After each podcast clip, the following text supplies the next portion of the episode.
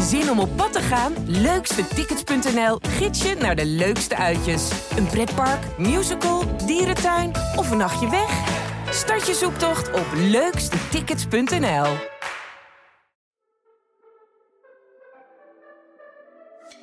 We zijn in de greep van het coronavirus. Soms voelen we ons als het ware gegijzeld. En ik kan weten hoe dat voelt. 607 dagen werd ik vastgehouden in Dagestan. Maar daarom kan ik ook tips geven over omgaan met zo'n extreme situatie. En als 2020 iets is, dan is het wel extreem. Samen met interessante gasten die ook de nodige pieken en dalen in hun leven hebben gekend, praat ik over vallen en opstaan tijdens een crisis. Dit is Gegijzeld met Arjan Erkel, een podcast van het AD en de regionale dagbladen, die mede mogelijk wordt gemaakt door Kracht. Maar ik heb echt nog wel wensen en dromen op het gebied van de bekendheid en de betrokkenheid van mensen met Paralympische sport. Deze backhand gaat in het net. En dan wint Esther Vergeer voor de derde achtereenvolgende keer Olympisch goud. Corona zette een streep door het sportjaar en borstkanker zette haar persoonlijke leven volledig op zijn kop. Hoi Esther, fijn dat je er bent. Voor de mensen die Esther Vergeer niet kennen, en, uh, ja, ik, ik, ken haar als tennisser en als spreker. Een hartstikke gave dame. Maar wat doe je tegenwoordig? Ja, nou, ik tennis in ieder geval niet meer. Ik moet eerlijk zeggen dat ik uh, eigenlijk nauwelijks meer op de tennisbaan sta, behalve met uh, de activiteiten van mijn foundation. Dus dan helpen we kinderen met, uh, om in aanraking te komen met sport. Um, maar ik fitness nog wel. Dus ik ben nog wel aan het sporten, zeg ja. maar. Maar dan gewoon net als iedere andere burger, één, twee, soms drie keer in de week. En um, nou, werktechnisch, ja, wat de, ik ben chef de mission voor de Paralympische ploeg. Um, waarbij we hopelijk straks volgend jaar uh, naar Tokio kunnen. In 2021 gaan dan de Olympische en de Paralympische Spelen wel door, hopelijk. Um, en dan ben ik dus, ja, hoe zeg je dat, ploegleider, uh, verantwoordelijk voor, de, voor het Nederlandse Paralympische team. Ik ben uh, toernooidirecteur van het ABN AMRO World Wheelchair Tennis Tournament. Dus dat is naast Richard Krajcek, die de valide kant organiseert, doe ik het rolstoeltennis. Ja.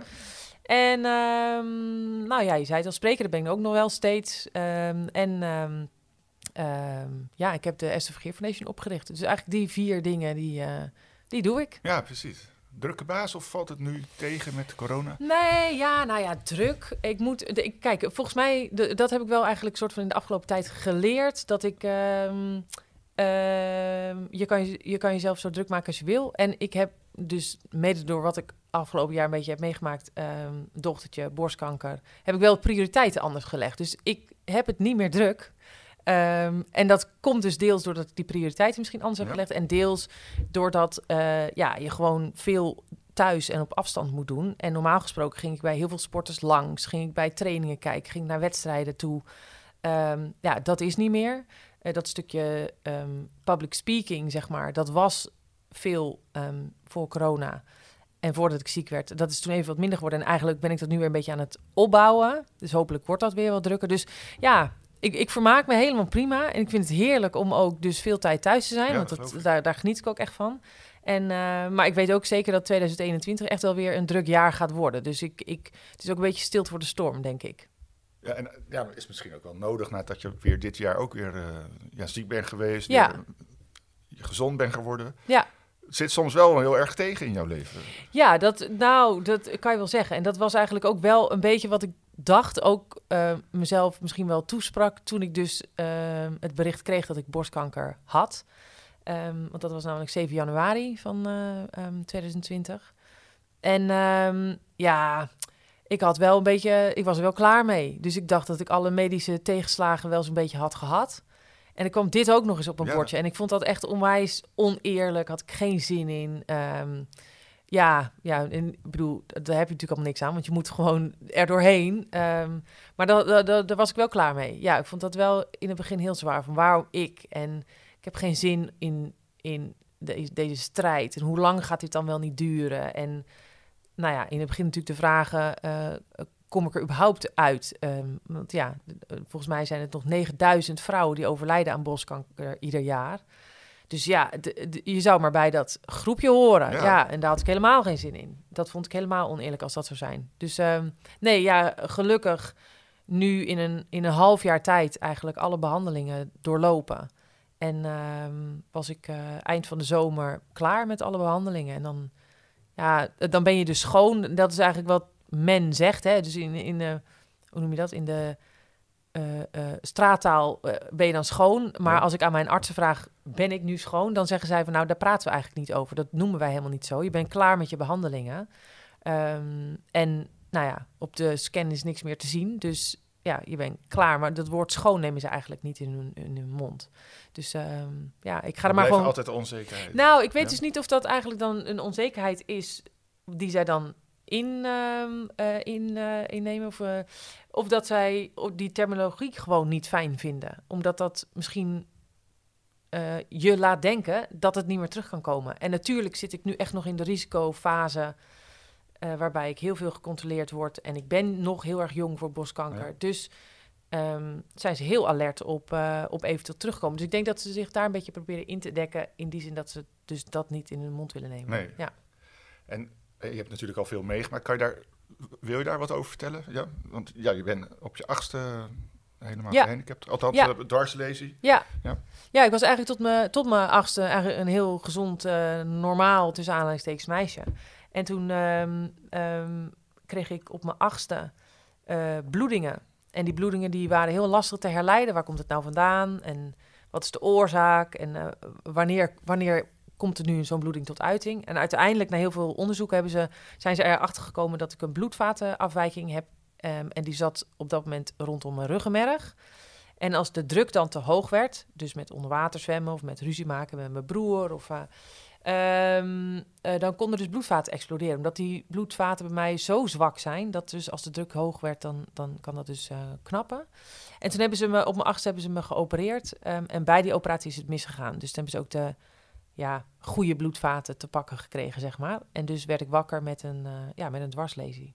Dus vanaf mijn achtste zit ik in een rolstoel. Ja. Ehm, en heb je in het begin echt nog wel geprobeerd te lopen hè, met krukken en protheses en weet ik het allemaal. Maar Maar hoe dat, hoog zit het dan of hoe laag? eh, het is een gedeeltelijke dwarslesie, dus ik kan mijn linkerbeen kan ik nog wel een beetje ge- eh, gebruiken. Ja. Ehm, ja, niet heel functioneel of zo, maar ik kan nog een beetje bewegen. Ik voel, ik voel tot, ehm, tot, een- tot mijn knieën, zeg maar. En van mijn knieën tot mijn tenen voel ik niks Nee. meer. Ehm, dus het is een gedeeltelijke dwarslesie vanaf onder mijn navel. Ja. En dus dat betekent dat ik, nou, daar, daaronder, dus, dus mijn bovenbenen eh, en zo, voel ik dus allemaal nog wel wat, nou ja, eh, qua eh, gevoel. Niet echt warmte kou, dat voel ik dan weer niet. En er zit nog een heel klein beetje kracht in. Ja, maar goed, allemaal dus niet sterk genoeg om nog te kunnen lopen. Dus ik zit wel echt heel de dag, dagelijks, iedere dag in een rolstoel. Ja. Ja. Nee, en hoe ga je daarmee om als kind dan? ja. Ja, hoe ga je daarmee om? Ja, Eh is natuurlijk al heel lang geleden. Ik ben nu 39. Ehm, ik denk dat kinderen heel flexibel zijn. Dus die, die, kunnen, die kunnen echt heel veel tegenslagen verwerken. Misschien leggen ze het allemaal nog niet zo op een weegschaal als dat wij volwassenen zeg maar doen. Dus ik denk in die zin, ja, it comes as it goes, zo'n beetje. Ja. Dus ja, dit is het. Ik ben ziek. Oké, ik moet in het ziekenhuis. Oké, ik heb pijn. Ja, dat is niet leuk. Ehm, nou, uit het ziekenhuis. Ik zit in een rolstoel. Ja, is ook niet leuk. Maar ja, nee, ik, ja, ik wil toch eigenlijk wel weer terug naar mijn eigen school. Nou, gaan we doen. Weet je, zo een beetje. Ja. Dus dan ga je, dan doe je dat wel of zo. En ja, natuurlijk zijn er echt wel moeilijke momenten geweest. Waarbij, ja, dan word je buiten het groepje ge- ehm, gestoten. Of je wordt niet gekozen bij de gym. Weet je wel, dat Ja, soort dingen waren ja. echt wel lastig voor mij. Maar ja, daar deel je dan ook wel weer mee. Dus of dan vind je echt, ik heb echt goede vriendinnen eraan overgehouden. Dus dan heb je altijd wel een groepje waar je wel past. Ja. En, ehm, en er worden dingen wat op school worden wat aangepast. Of eh, we, verzonnen andere regels waardoor ik wel mee ja, kon want doen. wilde je dan niet eerst naar een aparte school sturen bijvoorbeeld? Nou, dat was de optie. Dus dat, Ja. die optie is bij mijn ouders wel voorgehouden. Van, wilt u dat eh, Esther naar een andere school gaat? En eigenlijk waren we daar heel snel over uit dat we dat echt niet wilden. Mijn ouders wilden dat niet, omdat ja, er is voor de rest, eh, eh, ehm, zeg maar, mentaal, verstandelijk is er niks mis met mij. Nee. En ik had een hele fijne school waar ik naartoe kon. En het was ook prima aangepast. Ehm, en met wat hulp dat mijn moeder af en toe naar school kwam, in het begin eh, zeker om me te helpen met naar het toilet gaan, want dat lukte dan nog niet in mijn eentje. Ehm, ja, konden we het wel fixen. Dus we hebben het op die manier opgelost. En ik ben daar heel blij mee hoor. Want ja, ik denk dat een zo normaal mogelijke setting, dat is toch wel het allerbeste voor een kind. Ehm, en dat je gewoon hoort bij je groepje waar je altijd bij hoorde. Weet je wel, dat je niet anders bent doordat je nu ineens in een rolstoel terechtkomt. En ik denk dat daar ehm, ja, toch wel een soort eh, basis is gelegd voor dat zelfvertrouwen of zo, hè, wat je gewoon nodig hebt in je, in je leven. En nogmaals, hè, in, toen ik in de puberteit raakte en in de middelbare school, en dan is dat echt wel allemaal anders. En Mhm. dan word je natuurlijk super beoordeeld op het uiterlijk. Tuurlijk. En eh, ja, dan ben je raar en dan kan je niet meedoen met, eh, weet ik veel, feest op school en weet je wel, of niet en goed mensen dansen. zitten altijd op je neer te kijken. Ja. En jij Ja, omhoog. En ik omhoog, ja. Ja. En, en nou, bedoel, ik heb daar totaal nu op dit moment helemaal geen eh, probleem meer mee. Maar dat, dat speelt zeker in puberteit. Is dat gewoon heel lastig, ja. En wie, wie, wie zit er niet een beetje met, de, in- met zichzelf in de knoop in, met puberteit? En ik had dat dan misschien wat extra, omdat je dan dus nog met die eh, handicap te maken hebt, zeg maar. Ja, Hey, en ik, ik las in je boek dat je ook wel heel erg boos was op, op hoe sommige dokters met je omgingen. Ja, ja en, nou, en, en nogmaals, dat is dus 30 jaar geleden. Hè? Ehm, en ik, daar is absoluut nu gelukkig, en dat zie ik gelukkig nu ook wel, maar echt eh, dingen in veranderd. Maar toen de tijd was er, ehm, nou, de aandoening die ik had, die was heel specialistisch. Dus alleen, ja, er was één man in Nederland die dit eh, zei aan te kunnen. Ehm, nou, uiteindelijk niet helemaal gelukt, denk ik. Maar, en deze man was gewoon een eh, hele goede arts. Ja. Dus dat is een neuroloog, die heeft gestudeerd. Maar die is niet heel erg eh, sterk op sociaal vlak. Dus het was niet een kinderarts. Het was niet dat hij wist hoe hij met ouders om moest gaan. En, nou, en daardoor denk ik dat er bij mij ehm, ja, toch wel wat angst is ontwikkeld bij, bij die man. Ja. Ehm, dus nee, ik, in die zin denk ik dat ze dus nu tegenwoordig veel kindgerichter bezig zijn. En dat is heel belangrijk. Dus ook dat die kinderen, ja, dat het ook leuk is op een ziekenhuisafdeling. En dat je ook eh, in contact blijft met je school. En dat je in contact blijft met je vriendjes en vriendinnetjes. En, ehm, nou ja, en dat, dat was toen eigenlijk allemaal niet echt. Nou, Nee. Mijn ouders hebben dat heel veel georganiseerd. Maar dat is dus niet vanuit het ziekenhuis Nee, eh, precies. En ben jij daar nu extra mee bezig om dat voor, voor andere kinderen ook beter te krijgen? Nou, niet zozeer de, de, eh, zeg maar het instituut ziekenhuis, om dat beter te krijgen. Waar wij wel ehm, dit jaar mee willen gaan starten vanuit de foundation, is dat ehm, kinderen die in ziekenhuis worden opgenomen, of de, die nou ja, een, een handicap oplopen, amputatie, dwarslesie, noem maar op. Die komen natuurlijk regelmatig in het ziekenhuis voor allerlei controles. Bij nou ja, de orthopeed, uroloog, eh, dat soort dingen. Ehm, en wij zijn ervan overtuigd dat als wij in, dat, in die carousel van zorg mee kunnen worden genomen. En dat wij daar eh, op, de, op die plek, op dat moment ook iets kunnen vertellen over sport. Dat dat heel belangrijk is. Dus inderdaad, je, je, je hebt zorg nodig en je moet naar die arts. En nou, dat is allemaal eh, medisch, zeg maar, gerelateerd. Maar als, als je dan ook in aanraking komt met de mogelijkheden van sport, dat je dat kan vertellen tegen dat kind, maar ook tegen die ouders, dan denk ik dat er heel veel drempels al worden weggenomen om later voor zo'n kind een ehm, sportmogelijkheid te zoeken. En ik denk dat het heel belangrijk is voor kinderen met een beperking om zo snel mogelijk te gaan sporten. En dat is met name voor, die, ja, voor dat zelfvertrouwen. Ja, ik bedoel, het is nogal niet wat als je dus een handicap krijgt. Dat is, dat is gewoon Nee. een knauw. Ehm, en als je dan ja, dus kan gaan sporten, dat is, ja, word je sterker van, word je zelfverzekerder van. Ehm, ja, dus dat moet zo snel als mogelijk. Ja, Ja, want jij bent al tijdens de revalidatie met, met eh, basketballen in Ja. aanraking gekomen. En Ja. daarna met tennis. En Ja. toen ja, groeide je uit tot eh, ja, gewoon 13 jaar lang de beste van de wereld. ja. Welke karaktereigenschappen had je daarvoor nodig? Ja, jeetje. dat nou, is wel de- super knap, hè? Je hebt gewoon ja, meer dan 450 wedstrijden Ja. nooit meer verloren. Ja, Ja. achter elkaar, inderdaad. Ja. Ja. als ik dat nu ook aan terugdenk, denk ik, jezus, het is eigenlijk bizar.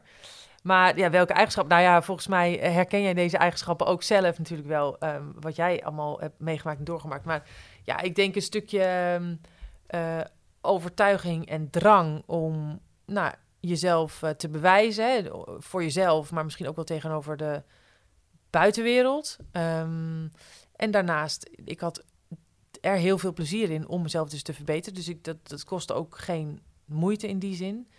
Ja, en ehm, ja, ik, eh, ja, hoe zeg je dat nou? Ik, ik, vond, ik vond winnen heel fijn. Ik vond het maximaal uit jezelf halen heel prettig en heel tof om te doen. En als je dus, op een gegeven moment kreeg ik die erkenning ook. Ja, Mhm. dat is gewoon ehm, heel lekker, zeg maar. Dus het is ook heel, ja, dat je dus wordt gezien en dat je wordt geprezen, dat je als voorbeeld kan of dienen eh, naar iemand toe. Ja, dat is, dat is misschien wel het grootste compliment wat je ooit kan krijgen.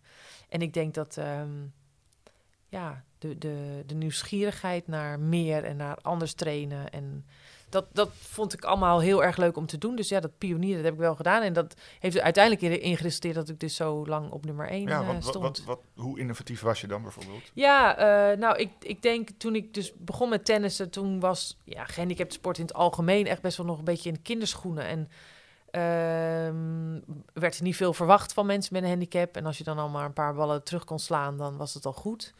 En ik denk dat ik wel in die zin, ehm, ik ben misschien was eerste echt meer uren gaan Ja. trainen. Dus niet meer één keer in de week en uh, holla die je, maar wel gewoon één, twee keer per dag eh, gaan trainen. Eh, niet alleen maar een tennis trainen, maar ook een apart iemand die me zeg maar hielp met de fysieke eh krachttrainingen, eh, conditietrainer erbij, fysiothe- fysiotherapeut erbij. ehm. Want, want, want kan je dat dan allemaal betalen van de winst van zo'n toernooi? Of, Nou, in het begin was het eh, vanuit die mensen een beetje ehm liefdewerk oud papier. Dus die Ja. deden dat er dan ook maar gewoon een beetje bij. En inderdaad, toen ik begon met sponsors te krijgen en een beetje prijsgeld, ehm, ja, kon ik wel of een goede deal maken. Dus dat het niet het maximale bedrag, zeg maar, was, Nee. dat die mensen dan rekenen. Maar zeker, en ja, richting het einde was dat inderdaad een, ja... En die mensen waren niet fulltime in dienst hè, bij mij. Nee, dus het is een uurtje factuurtje.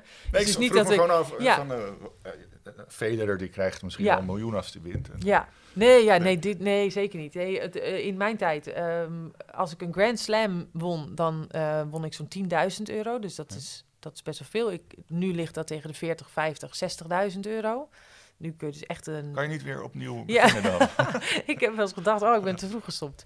Nee, nee, dat zou ik ook nu echt niet meer willen. Het past echt niet meer in mijn leven om Nee. nu die maar zou je het wel gaan. kunnen op dat niveau? Nee, ik denk Nee? het ook niet Nee. meer. Nee.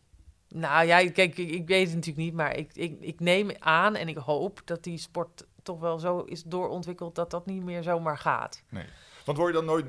Ja, ik- als je 13 jaar lang altijd wint, denk je van... Ja, die gasten die, die kunnen er niks van. En ik eh, stop er zelf ook maar mee dan. Nee, ja, ik heb Nee? dus nooit, nou ja, uiteindelijk na die 13 jaar was ik eh, ongeslagen en had ik, had ik dus andere ehm, wensen. Dus toen ben ik er wel mee gestopt. En dat was dus niet omdat ik verloor, want ik had nog steeds niet verloren. Nee, mooi. Ehm, maar toen was Maar liet je ook niet gebeuren, hè? Van, eh, Nee, liet ik ook niet. Nee, nee, ik nam ook echt geen enkel risico. Dus iedere, iedere wedstrijd die ik had, dus of het nou de eerste ronde was of een finale, die behandelde ik altijd hetzelfde. En dus ja, maakte mij niet uit of het nou tegen de nummer 150 was of de nummer 3 van de wereld. Ehm, dus, eh, dus ik denk misschien ook wel dat dat een van mijn krachten is geweest. Dat dat, ja, ik heb één keer ongelooflijk op, op, op eh, hoe zeg het, op een falie gehad. Heel, heel dik verloren. En dat kwam gewoon doordat ik slecht was voorbereid. En dat voelde zo eh kloten, om het zo maar te zeggen. Dat ik daarna, ja, heb, ik, heb ik dat nooit meer gedaan. Vond ik zo vreselijk. Toen dacht ik, oké, maar dat ligt gewoon helemaal aan, mijn, aan mezelf. Ja.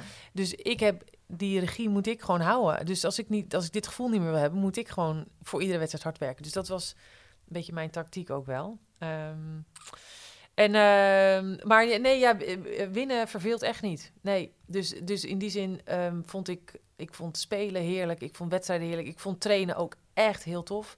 Misschien wel eh, leuker dan wedstrijden. Omdat wedstrijden moet je, moest ik altijd tegen dames natuurlijk. En bij de dames was er misschien niet zo heel veel tegenstand. Ja. Of niet heel divers.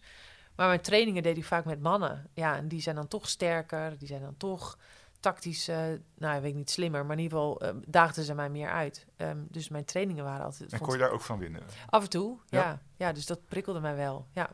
En ze, ze hebben nooit gedacht van, we gaan jou eens in de mannen league Nee, stoppen. volgens mij mag dat ook echt Nee? niet. Dus, eh. Dan is het geen officiële wedstrijd of zo. Dat is allemaal weer reglementen. En, eh, dus ik dacht, nou, hoef ik, hoef ik me ook niet druk om over te maken. Heb ik ook niet zoiets dat ik dat moet gaan voorvechten of zo. Laat mij maar gewoon dus die, die wedstrijden doen die ik nu doe. En Ja. dan, eh, ja. En, en wat was de mooiste overwinning? Eh, ik denk in eh, ja, de meest zwaar bevochten, die, die eh, vind ik altijd nog het mooiste, maar dat was in Peking, ehm, 2008, eh, Paralympische Spelen in de finale. En toen stond ik matchpoint achter op een gegeven moment. Dus ja, één bal verwijderd van een verlies, van dus het, ja, het winnen van zilver met het verliezen van goud. En op de een of andere manier heb ik dat dus om weten te draaien en ehm, uiteindelijk die wedstrijd weten te winnen. Maar die was zo spannend. Er kwam zoveel spanning bij kijken dat ik eh, ja, dat wel echt beoordeel als een van mijn mooiste, spannendste, gaafste, bijzonderste wedstrijden. Ja. Ja, ik heb er gekeken natuurlijk. eh, maar je zag jezelf ook heel goed voorbereiden bij ja, de service waar het om moest gaan. Dus volgens mij Ja. je ook een paar keer met het Ja. balletje opgooien. Ja, maar dat, ik weet niet of dat goede voorbereiding was. Want ik was gewoon zo zenuwachtig. Dat ik gewoon, ik kon niet meer, bijna niet meer ademen. Ik kon ook echt bijna niet meer denken. En toch moest ik serveren. Want ja, dat, daar heb je dan 20 seconden de tijd voor, voordat je een service moet doen. Nee, dus wat ik dan precies dacht en of dat nu een helemaal een optimale voorbereiding... Want volgens mij heb ik enige, dacht ik als enige... Oké Esther, deze moet op haar backhand en in het servicevak. Maar Mhm. meer en, en de gedetailleerde kon ik niet nadenken. Ehm, en dus heb ik dat toen maar gedaan. Met ook een beetje dus de hoop dat zij hem daardoor eh, in het net sloeg of een fout maakte. Of in ieder geval niet een hele goede bal terug kon slaan. En dat werkte dus blijkbaar, ja. En, en ben jij dan eh, blijer dan je ouders en je familie en je coaches? Of wie, wie zijn er dan het blijst op zo'n moment? Wauw, dat is een moeilijke vraag zeg. Eh, nou ja, kijk, als ik dus nu de, de reacties... en die heb ik natuurlijk wel teruggekeken op televisie en zo... ehm, maar van mijn ouders, die zaten daar ook met zoveel spanning. Mijn broer met fijn geknepen handen. En, eh, dus ik, ik, ja, dan weet ik eigenlijk niet wie er dan blijer is. Ik denk dat ik, denk dat ik misschien uiteindelijk als... eh, die gouden medaille kreeg ik om mijn nek. Dus eh, dat ik dan misschien wel het blijst was. Maar ik weet wel dat mijn ouders en broer, wat ik al zei, een familie die er was, echt met buikpijn daar hebben gezeten. En ook misschien plaatsvervangend hoopte dat ik niet die wedstrijd zou verliezen. Ehm, ja, nou ja, spatte ook de blijdschap bij hun natuurlijk dus Nee, van het gezicht. Ja. En, en ja, is ook een lastige vraag, maar hoe moeilijk is het dan voor hun? Al- die jaren jou echt begeleiden, eh leid je broer eronder? Eh, nou, ja, ik denk dat is dat heeft zeker bij mijn broer, want die, eh, die is drie jaar ouder dan ik, dus die zat ook in de puberteit toen ik in een rolstoel terecht kwam. En ja, dan en zeker in het begin gaat alle aandacht naar mij, omdat het dus medisch gezien, zeg maar, oh, dan wordt dan ging de telefoon en dan werd er altijd gevraagd, oh, is hoe is het met Esther? Nooit hoe is het met Sander. Dus dat heeft best wel op hem eh, impact gehad. En eigenlijk daarna ging het eigenlijk ook altijd, draaide het om mij. Omdat ik dus op de tennisbaan Ja. blijkbaar goede dingen deed. Ehm, heeft, hij, heeft hij wel echt lastig gevonden. En ehm, niet dat dat nu nog zo is, want hij is eigenlijk eh, super trots en dat zegt hij ook. En het neemt niemand wat kwalijk. En, eh, maar ja, als dus puber ehm, had hij, worstelde hij daar Ja, wel mee. ja. Kan je natuurlijk ook niet echt eh, heel erg relativeren of zo zelf eh, als puber. Dus eh, nee, dat, dat was lastig voor hem. Ja, en eigenlijk, ja, en nogmaals, ehm, mijn ouders is, valt in die zin ook niet echt iets kwalijk te nemen in het begin. Want als je dochter dus ziek en gehandicapt en doe je dat automatisch, dat daar dus ook meer aan. dus Ik had ook meer zorg nodig dan mijn broer. Ehm, en ja, door dat tennis eh, ging dat eigenlijk dus ook een beetje vanzelf. Dus ja, dus mijn broer neemt nu onszelf ook helemaal niks meer kwalijk, maar in, in die tijd was het wel pittig. Ja, ja. ja. geloof ik. Ja. Hey, en en eh, je, je mocht ook allerlei leuke mensen ontmoeten. Je, je, je kreeg eh laureaat, of hoe noem je dat? Van de, Ja, de Laureus? Award. Ja, ja. Hoe gaaf is dat? Ja, nee, dat het heel tof. Behalve dat hier in Nederland is het niet heel erg een bekende award of zo, maar het is een beetje de Oscars voor de sport. Eh, dus de, één keer per jaar wordt dat dan uitgereikt en dan heb je 's werelds, nou ja, beste sportman, vrouw, ploeg, team. Ehm, en ik heb twee keer de beste sportvrouw eh, of sportpersoon met een handicap ehm, ter wereld Ja. eh, gewonnen. Ja, dat is fantastisch. Want dat is, daar zoiets, het feestje was heel tof om mee te maken, omdat het gewoon een soort Hollywood setting is. Dus de grootste sterren van eh Catharina Zeta-Jones. ehm, ja, goh, wie heb ik daar nou allemaal ontmoet, man? Echt niet normaal. En die Ah ja, Michael Jordan. Michael ik. Jordan, Ja. inderdaad, die om Maar die ken je dan ook gewoon. Nou, dat weet ik niet of ik meer kende, maar het was wel dat ik, ehm, eh, dat- dat hij, dus ik had dat, dat ding, of die award had ik gewonnen. En toen werd ik op schouder getikt. Ik denk omdat hij dus wist dat ik die award dus gewonnen had.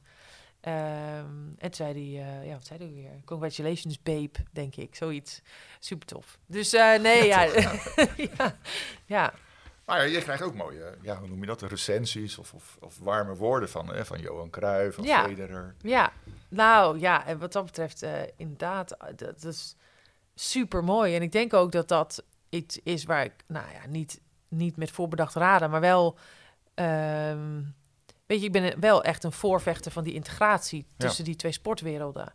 En ik denk, ja, als, als Federer, Djokovic, Nadal, ehm, ja, daar iets over zeiden. Dat, dat had ook weer impact hier in Nederland. Ehm, of de samenwerking met Johan Cruijff. Weet je, het is gewoon heel fijn die, om die waardering te krijgen. Om daardoor dus door die personen serieus genomen te worden. Om daar erkenning van te krijgen. Ehm, en dat doet de sport heel veel goed als die mensen dus ook wat zeggen. Dus het is heel, uh, uh, ja, nogmaals een compliment. Het is heel fijn om te krijgen. Maar zeker van dat soort wereldsterren is dat um, helemaal mooi. Ja. ja. En is het nu beter gegaan met de integratie? eh, Als je terugkijkt, tien jaar geleden, 15 jaar geleden. Ja, gaat, gaat zeker beter. Um, en steeds meer sporten die um, staan er open voor om die integratie ook daadwerkelijk door te voeren tijdens evenementen of tijdens trainingen. Uh, als je kijkt op Papendal, dus zeg maar het sporthart van Nederland, waar alle topsporters trainen, dat is ook helemaal geïntegreerd. Dus daar gehandicapten, uh, Paralympische en Olympische sporters, die trainen daar samen ook. Um, dus het gaat eigenlijk hartstikke goed. Maar ik heb echt nog wel wensen en dromen op het gebied van de bekendheid en de betrokkenheid um, van mensen met Paralympische sport.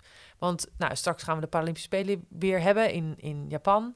Um, ja, mijn wens en droom is toch dat er soort van nieuwe boegbeelden ja. zijn en opstaan en herkend worden. En, uh, want ja, ik heb het idee dat er nu nog niet heel veel nieuwe namen, behalve mijn naam en misschien Bibian Mentel. Ja. Um, en dat vind ik zonde. vind ik echt zo zonde. En het is zo jammer dat alleen dan de media erop afstapt als de spelen dan daadwerkelijk er zijn. Hè. Dus die twee weken lang, dan wordt er aandacht gegeven. Maar daarna vervaagt het weer. En ik, dat vind ik heel zonde. Dus daar zijn echt nog stappen te zetten.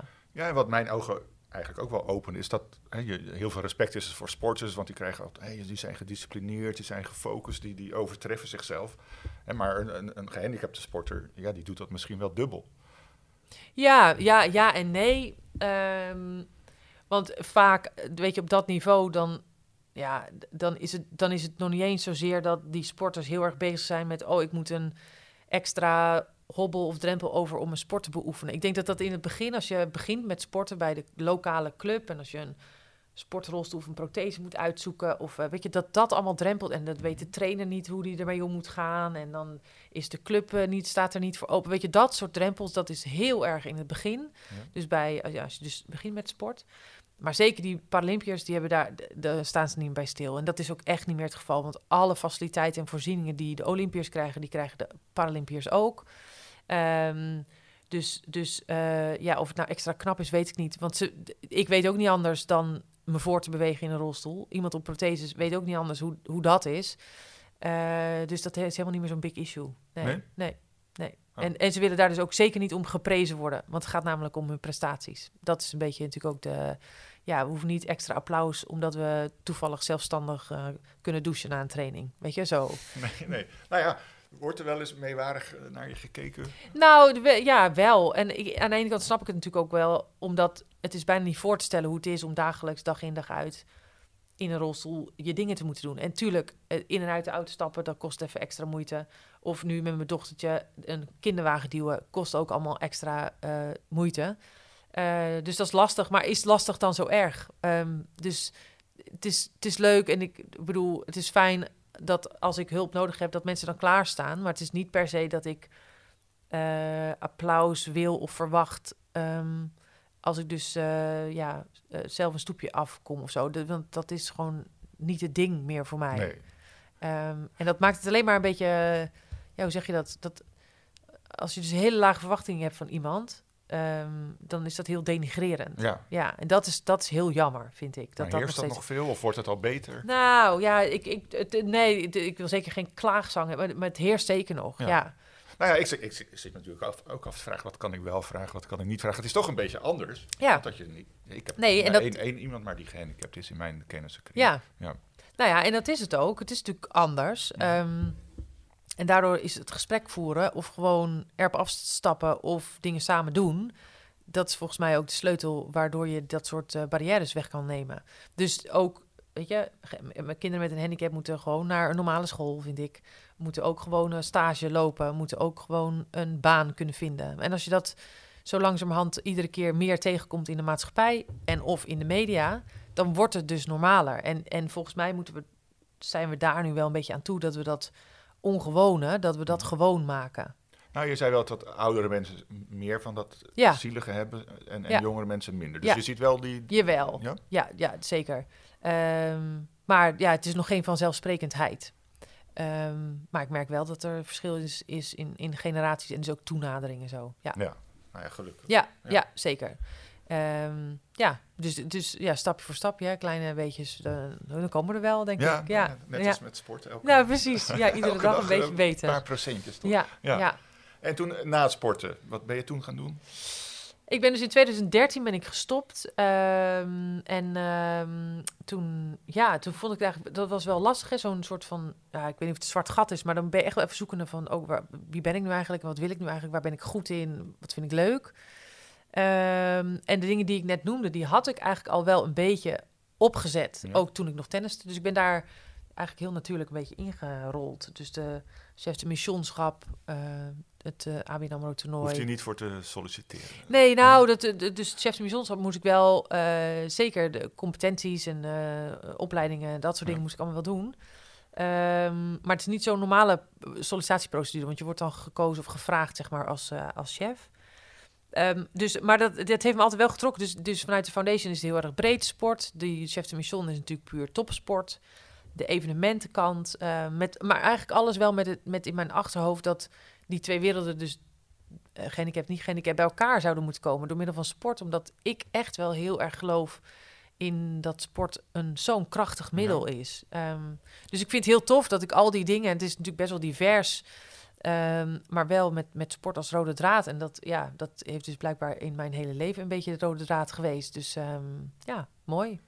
Maar, maar ik kan me ook voorstellen dat sommige mensen denken, ja, ik heb helemaal geen zin in sport. Ja. En, en die wel zichzelf naar beneden trekken. Ja. Ehm, heb jij daar een soort format voor hoe je die mensen kan helpen? Nee, ja, volgens mij, nou ja, weet je, ik denk dat er zullen altijd mensen zijn die, die gewoon geen sporthart hebben. Het zijn gewoon, die ja, vinden dat gewoon niet leuk of hebben andere dingen die ze dus leuker vinden. Ehm, en ik denk ook niet dat het mijn missie is om die mensen over de streep te trekken, want volgens mij hoeft dat ook niet. Wat voor mij heel belangrijk is, is dat ik, nou zeker richting mensen met een handicap, maar in ieder geval, ik zou het zo oneerlijk vinden als die mensen de kansen niet zien of niet Ja. Om te gaan Maar ja, sporten. n- niet zien is ook belangrijk. Hè? Van, gewoon van verbetering in je leven in het algemeen. Ja. Er zijn mensen natuurlijk die in slachtofferschap Ja. blijven hangen. Ja, gaan zitten. Ja, enorm. Eh, ja, ehm, ik weet niet of ik daar heel veel moeite mee heb, want soms heb ik dat dus zelf ook wel. Hè, dus dat ik daarin ook wel een beetje. eh, en dat is gelukkig niet heel vaak, maar bijvoorbeeld toen ik net borstkanker had, toen had, toen had ik ook best wel medelijden met mezelf. Ehm, dus dat mag ook af en toe, denk ik. Eh, maar ja, niet te lang blijven hangen, want er zijn zoveel mooie dingen. Ja. Ehm, en dat, dat is het. En ik denk ook, dat hoorde ik pas geleden in, op een of andere radio-interview volgens mij. Ehm, heel veel jongeren worden nu depressief hè, door dat corona ook. En, ehm, en die zei ook, maar uiteindelijk moet je jezelf een schop onder je hol geven door dingen te doen. Want Ja. als je namelijk buiten de deur komt en je ontmoet andere mensen, ook al is dat maar in het winkelcentrum, of ook al is dat maar dat je op het hondenuitlaatveld eh, iemand aanspreekt op, eh, goh, wat heb jij een leuke pup. Weet je zo.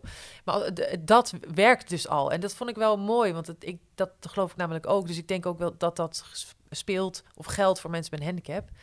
Eh, je, moet, je moet er gewoon op uit. Je moet gewoon dingen doen. Je moet buiten je eigen voordeur komen. En dan gebeuren er dingen. En als er dan dingen gebeuren, dat, dat maakt het leven leuk. Ja, hoeft niet op topsportniveau. Hoeft niet op, weet ik veel, competitie en zwaar heftig sporten. Dat moet gewoon, ja, de al, alle dagelijkse Ja, de dingen. nieuwsgierigheid. Ja, Ja. dat. Ja, ja. Ehm, en volgens mij werkt dat, eh, Ja. werkt dat verblijdend. Ja. Nee, goed. Ja, ik denk er ook zo over. Maar ja, het is heel moeilijk om mensen die niet willen of Ja, om die vooruit te helpen. ja Ja, en, en dat is wel eens lastig. de- zeker. En ik- nou ja, eh, ik bedoel, ja, de- daar spreek jij dus ook uit ervaring. En soms wil je die wel eens met de harde hand eh, inderdaad eh, door elkaar schudden. En soms is het dan misschien ook gewoon de tijd nog niet of zo. Ja, en als je dus echt niet geholpen wil worden, dat zullen ook eens een aantal mensen zijn die dat hebben. Ja, nee, Ja. klopt. En, eh, hoe keek jij bijvoorbeeld naar jezelf? Hè? Je had eerst, eerst een, een eh, gehandicapte vriend en toen een, een ja, hoe moet je dat zeggen, een niet gehandicapte vriend. Ja, En vond je dat eng om, om jezelf bloot te geven? Eh, überhaupt Ja. is dat spannend. Volgens mij is dat voor iedereen spannend als je een relatie begint. Ehm, nee, we- jawel. Nou, maar dat is denk ik ook wel...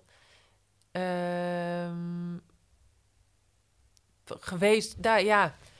De, je, we worstelen denk ik allemaal met eh, onzekerheden. En dus ik ook. Ehm, en dus die had ik en die heb ik ook nog steeds. En uiteindelijk denk ik dat het in relatie... Kijk, en met die, toen ik met die jongen was die eh, ook een, in een rolstoel zat... dan is die... Hoe zeg je dat? Die ehm, herkenning in elkaars positie is makkelijker. Want ja, je snapt gewoon een aantal dingen die niet meer werken of die eh, anders werken. Dat, is, dat hoef je niet uit te leggen. En uh, bij iemand dus zonder handicap, ja, dan moet je het even uitleggen. En daar moet je dus comfortabel genoeg bij voelen om dat dus uit te leggen. Uh, en dat, nou, dat heeft even tijd gehad of tijd geduurd, zeg maar. En, maar uiteindelijk maakt dat het ook wel weer heel mooi, vind ik. Ja. ja. ja.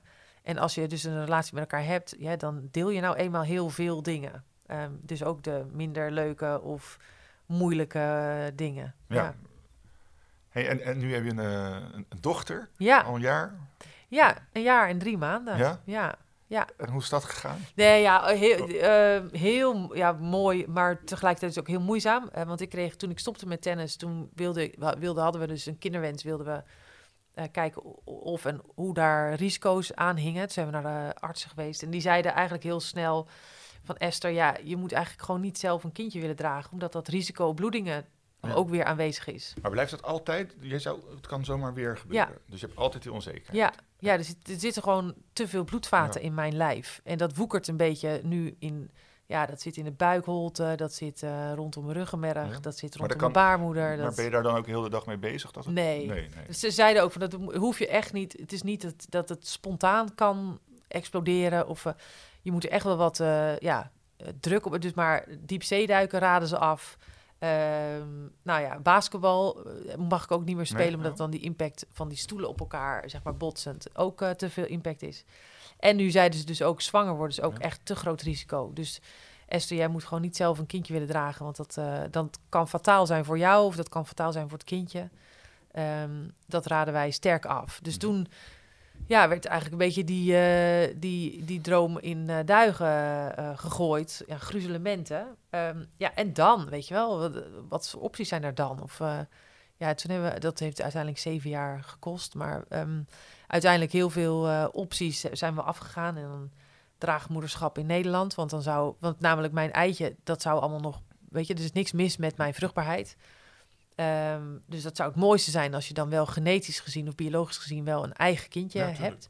Dus wij zijn uh, draagmoederschap in Nederland uh, hebben uitgezocht, maar is heel lastig, een moeilijk traject, uh, niet haalbaar was dat op, op, op dat moment. Hebben, toen zijn we naar adoptie gegaan, gekeken of dat iets voor ons was. We hebben zo'n traject doorlopen van 2,5 jaar of zo, waardoor, waarbij je dan echt wel een soort van opgeleid wordt. Um, een cursus krijg je dan, wat houdt het dan allemaal in? Um, ben je er wel klaar voor? Uh, wees je ervan bewust wat voor kinderen dat zijn? En kunnen jullie dat dan opvangen? Willen jullie dat dan opvangen? Willen jullie gezin? Uiteindelijk dus tot de conclusie gekomen dat dat niet voor ons was weggelegd. Nee, even, want Marijn had al een dochter van... Uh, ja. ja. Ja. Marijn heeft inderdaad ja. een dochter, uh, die is nu 13. Ja, ja dat, en dat heeft natuurlijk wel ook impact als je dan ook nog... Een adoptiekindje uh, erbij zou hebben. En je weet niet precies wat het dan gaat doen, maar dat vonden wij heel spannend. Dus uiteindelijk gezegd, nee, dat, dat gaan we. We willen zeg maar de goede verhoudingen die wij hebben met, uh, met z'n drieën, dus Marijn, zijn dochtertje en ik, uh, zeker niet te grabbel gooien. Dus dat moeten we niet willen. Dus toen was die optie ook voorbij. En toen zijn we nog gaan kijken naar draagmoederschap in het buitenland. En dat is dus uiteindelijk gelukt. We hebben dus een draagmoeder gevonden in, uh, in Canada. Ja, en ja. die heeft voor ons, um, ja, ons kindje, zeg maar, gedragen. Ja. Hoe gaaf is dat? Ja, ja. super mooi. Ja, en ook, nou ja, zo'n zo'n zo'n vrouw vinden die dat ja. natuurlijk wil, maar dan een band opbouwen. Um, uiteindelijk gaat zij natuurlijk iets doen wat, ja, onbetaalbaar. Weet je, het is zoiets bijzonders. En dat heeft zij allemaal gewoon, ja, gedaan. En uiteindelijk is daar dus Jinte uitgekomen en... Uh, super gezond, vrolijk, lief, uh, blij meisje. Ja. Dus ja, is echt een moederschap. En nou, was ik ook wel, vond ik spannend, hè? Want ja. nou ja, ik heb het niet gedragen. Ga je dan wel die band voelen of hoe werkt dat? En, uh, maar dat is allemaal ja, binnen. Want hoe gaat het dan? Dan baart zij hem en dan binnen dag hou je hem weg? Of, ja, even. Ja, nee, eh, nou, wij waren bij de bevalling. Dus wij Ja. zijn eh, op tijd naar Canada ge- gereisd. En hebben twee weken daar eh, gewacht, zeg maar. Dus gewoon in een hotelkamer afgewacht. en leuke dingen gedaan met, met de draagmoeder. Ja. Ehm, en uiteindelijk waren wij dan dus bij de bevalling.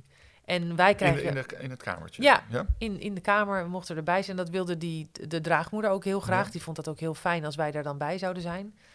En ehm, ja, het moment dat Jinte eruit was, kreeg ik Jinte op mijn borst. Eh, daarna heeft Marijn natuurlijk ook Jinte vastgehouden. En daarna ook de draagmoeder. Ja? En toen hebben we een hele, nou, ik denk wel drie, vier uur samen, zeg maar, in die kamer nog zijn we gebleven en hebben we geknuffeld en, nou ja, eh, liefde, zeg maar, uitgewisseld. Ehm, en daarna gingen wij naar, een, je moet 24 uur in het ziekenhuis blijven in Canada. Dus de, de, de, de vrouw die is bevallen en wij ook, of het kindje ook. Dus toen hebben wij, Marijn, ik en Jinte, ehm, zijn we met z'n drieën op een kamer gebleven, 24 uur. En Jerica lag, dus, of de draagmoeder lag ook in, in hetzelfde ziekenhuis op een andere kamer. Ehm, maar eh Jint is de hele tijd bij ons gebleven. Ja. Ja. En is Ja. er dan nog een, een soort bedenktijd of zo dat zij zegt... Nee. dat mag... Nee. Nee, dat is, ik bedoel, dat is echt allemaal juridisch Ja, helemaal eh, afgetikt. Dus dat is ook. Eh, Amerika en Canada zijn eigenlijk de enige twee landen waar je dit juridisch heel goed kan regelen. En dat het gewoon met advocaten en eh, eh, ja, strak geregeld is. Dus dat, die opties zijn er dan niet. Nee. Dus wij hoeven daar niet bang voor te zijn dat dus de draagmoeder denkt... nou, ik wil het eigenlijk niet eh, weggeven, ik hou het.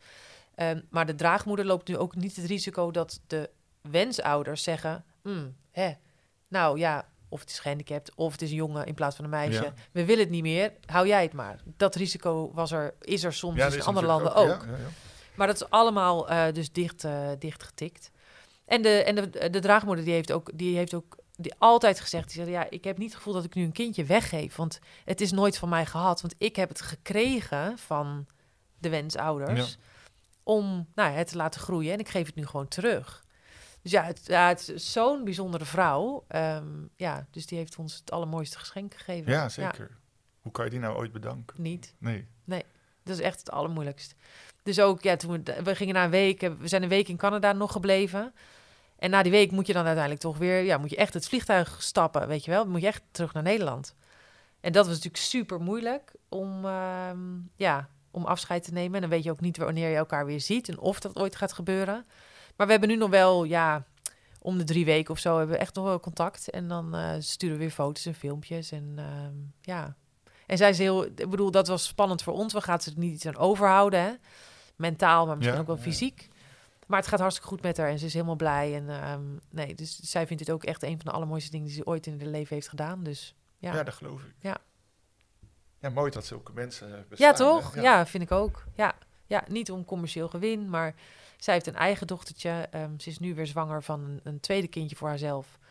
Ehm, ze zei ja, het, ik, het, het is het allermooiste als je die liefde kan delen in een gezin. En dat wil ik ook heel graag, wilde ze dat voor iemand anders eh, doen. Ja. Ja. En hoe is het dan als moeder? Heel mooi, ja. Ja, en we hebben, ook, we hebben dus ook een kindje uit het boekje. Dus het is ook, we hebben totaal nooit slapeloze nachten gehad nog. Eh, ja, het, is een blij, tevreden meisje. Ehm, ze doet het goed, ze groeit supergoed, ze lust alles. Ehm, dus het is heel mooi, ja. En ik, het is heel mooi dus om iemand op te zien groeien en nu een eigen karakter te zien vormen en zo. Ja, heel Ja. mooi. Ja, Hey, en straks, eh, als het goed is, Tokio 2021. ja. Wat ga je daar anders doen dan de vorige chef de mission? Nou, het wordt sowieso worden echt worden andere spelen. Want door, door corona wordt eigenlijk alles wel een beetje beperkt. Eh, ze zeggen een beetje soberder gemaakt. Hè. Dus vanuit Tokio wordt er gezegd: ehm, we gaan het simpel houden, ehm, maar vooral veilig, maar ook nog wel ehm, zeg maar warm en hoe zeg je dat, gasvrij. Ja. Dat is eh, wat zij heel belangrijk vinden. Maar dat is een, een stuk simpeler. Dus dat is de organisatie daar wordt simpeler. We weten nog niet of er, eh, eh, hoe zeg je dat, toeschouwers mogen komen. Dus misschien wordt het zonder publiek. Dus dat gaat natuurlijk echt al anders. dat is de sfeer niet, of tenminste dat is anders. En vanuit Nederland ehm, ja, doen wij het ook minder uitbundig. Dus niet meer met een Holland Heinekenhuis zoals het altijd gekend is. Ehm, ja, minder poespas eromheen. Ehm puur en alleen moeten wij ervoor zorgen dat prestatietechnisch alles goed is geregeld. Dus dat is waar we nu mee bezig zijn. Dus de voorbereidingen, de, de testevents, de trainingskampen. ehm, en daarin, zeg maar, in Tokio zelf, het Olympisch dorp moet gewoon goed geregeld zijn. Dus ehm, ja, dat. En uiteindelijk hopen we een beetje op dus de, de, het begrip vanuit de sporters... dat het dus misschien wel qua sfeer iets anders gaat zijn dan andere spelen. Ja. Ja. Hey, en en eh, gooi je er nu net zoveel passie en energie in als in je tenniscarrière? Ja, maar het is, eh, eh, nou, ik denk passie en energie wel. Maar het is wel anders. Ik bedoel, of het, of het voor je eigen ehm, gouden medaille is en op dat ene moment. Of je moet nu voor 10, 12, 14 sporten en 100, eh 100 rond de 100 eh, sporters alles goed regelen. Eh, moet je soms ook water bij de wijn doen. Ja, en dat deed ik bij mijn eigen, eigen sportcarrière natuurlijk nooit. Nee. Dus het was daar. Dus, eh, en ik, ik merk nu dat daarin dus politiek of zijn, ja, moet je soms wat eh, wikken en wegen. Ja. Ja. Hey, en, en word jij wel, wel eens ergens zagrijnig van?